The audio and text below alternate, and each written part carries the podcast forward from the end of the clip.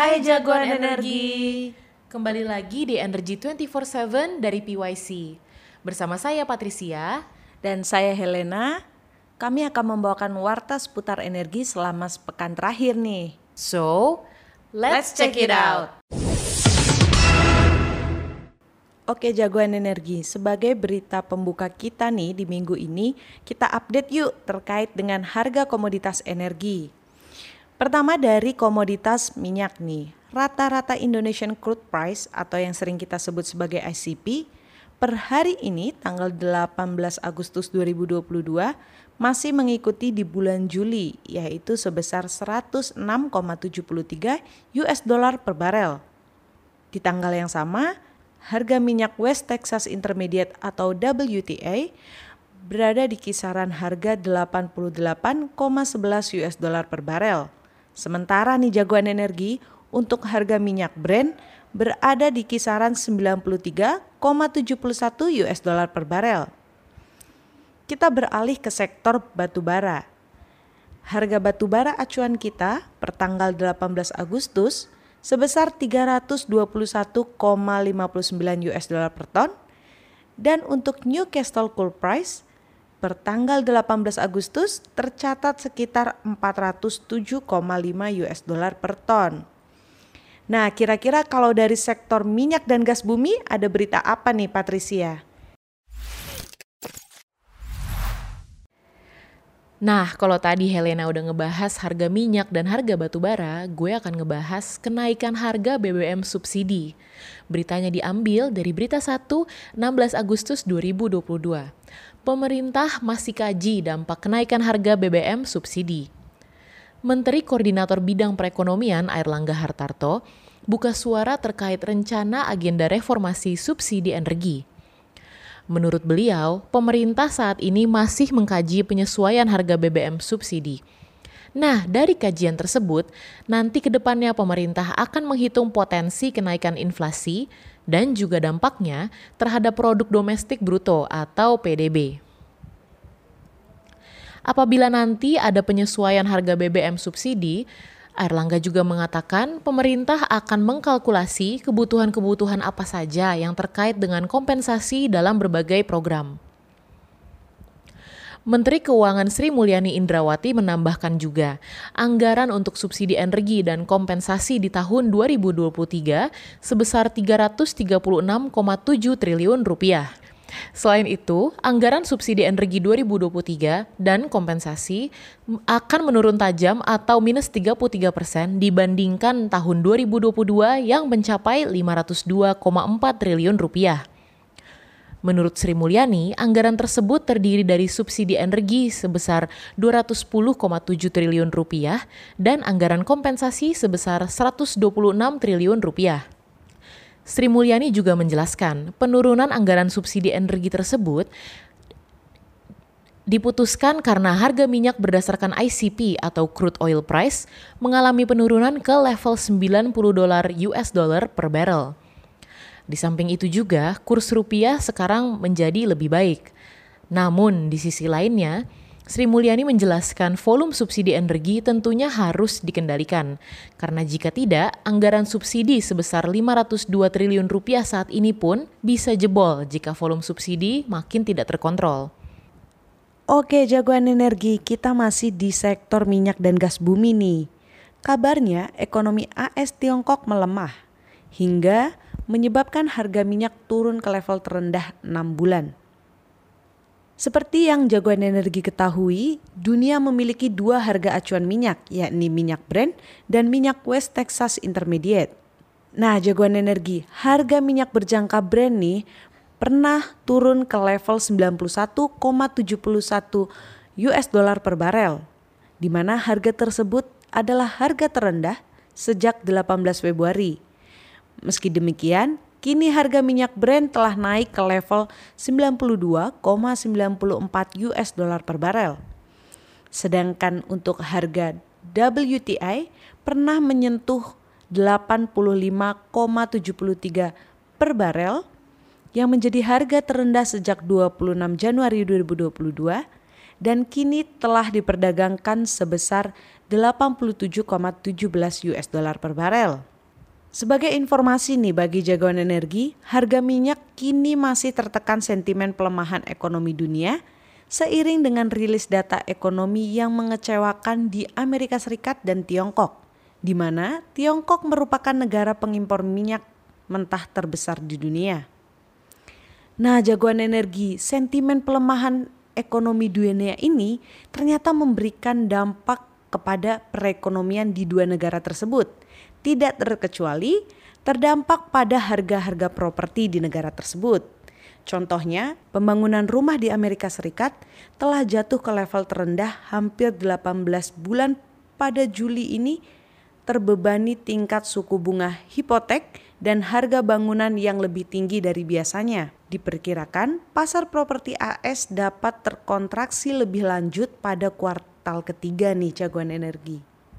Sementara Dampak sentimen ekonomi itu juga dialami oleh Bank Sentral Tiongkok, di mana mereka memangkas suku bunga peminjaman sebagai upaya mereka untuk mendorong permintaan.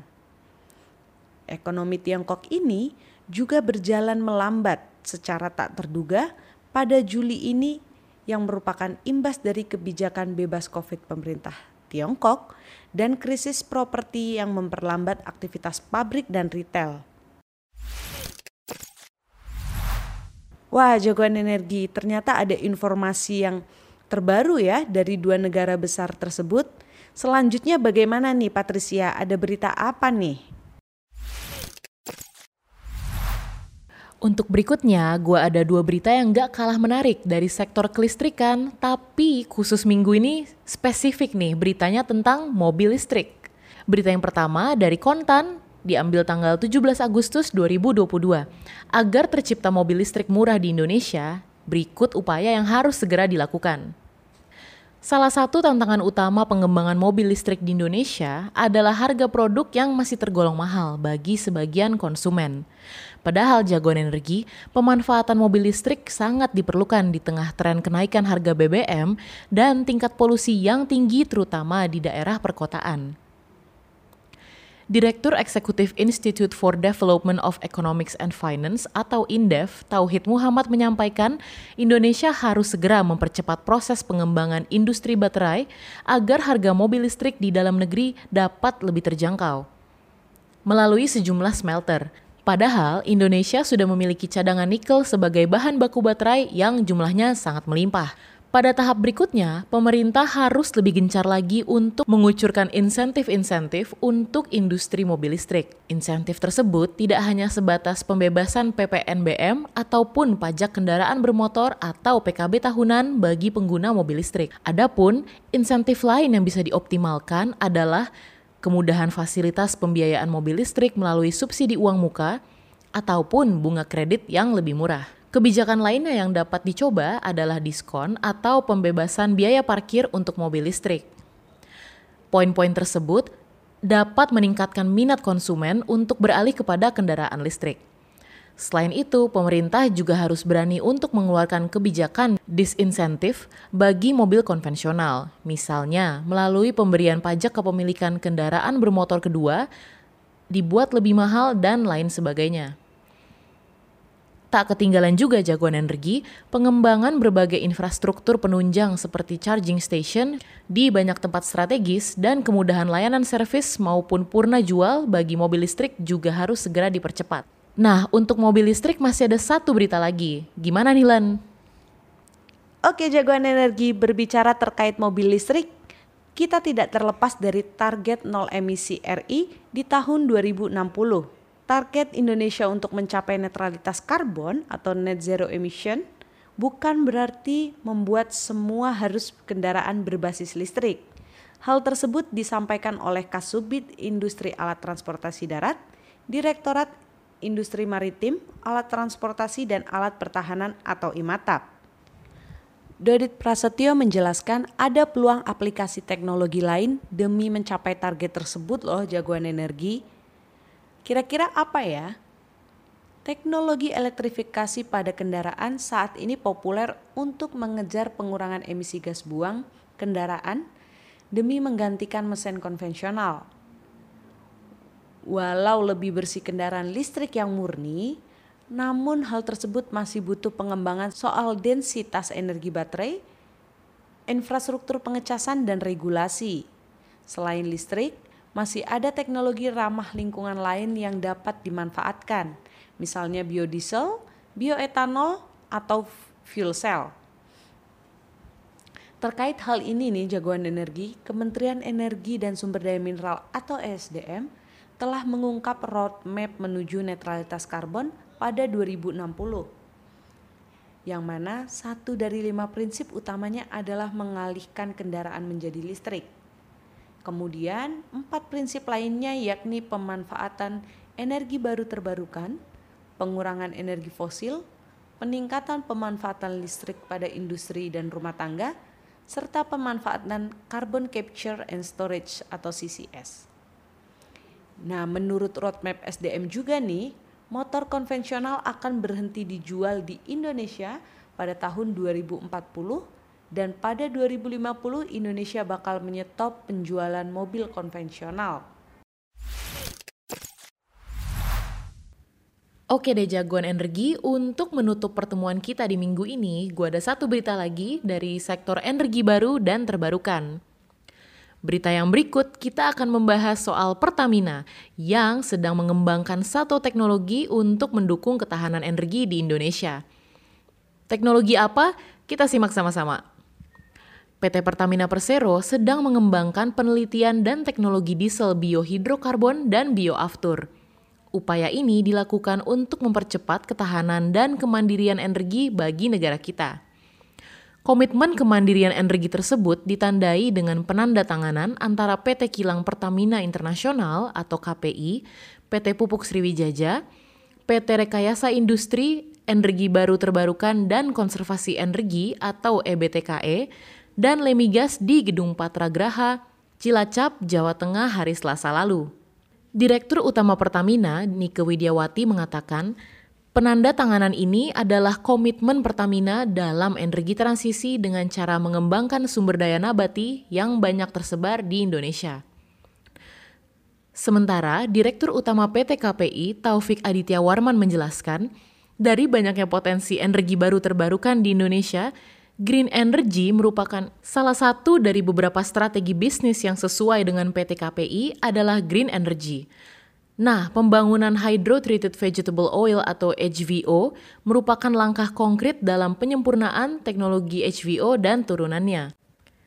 Diharapkan Indonesia akan menjadi leader dalam proyek percontohan ini.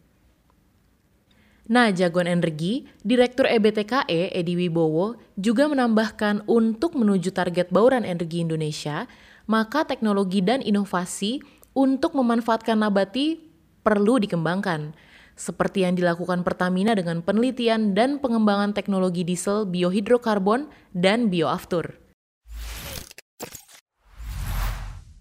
Nah, jagoan energi tidak terasa kita sampai di penghujung podcast Energi 24/7 di minggu ini nih. Kita dari PYC ingin mengucapkan Dirgahayu RI ke-77. Pulih lebih cepat, bangkit lebih kuat. Jagoan energi, jangan lupa untuk memfollow update dari PYC lewat media sosial kita. Kita ada Twitter, Instagram, LinkedIn, Facebook, dan jangan lupa juga untuk subscribe ke channel YouTube kita. Stay safe and see you next week.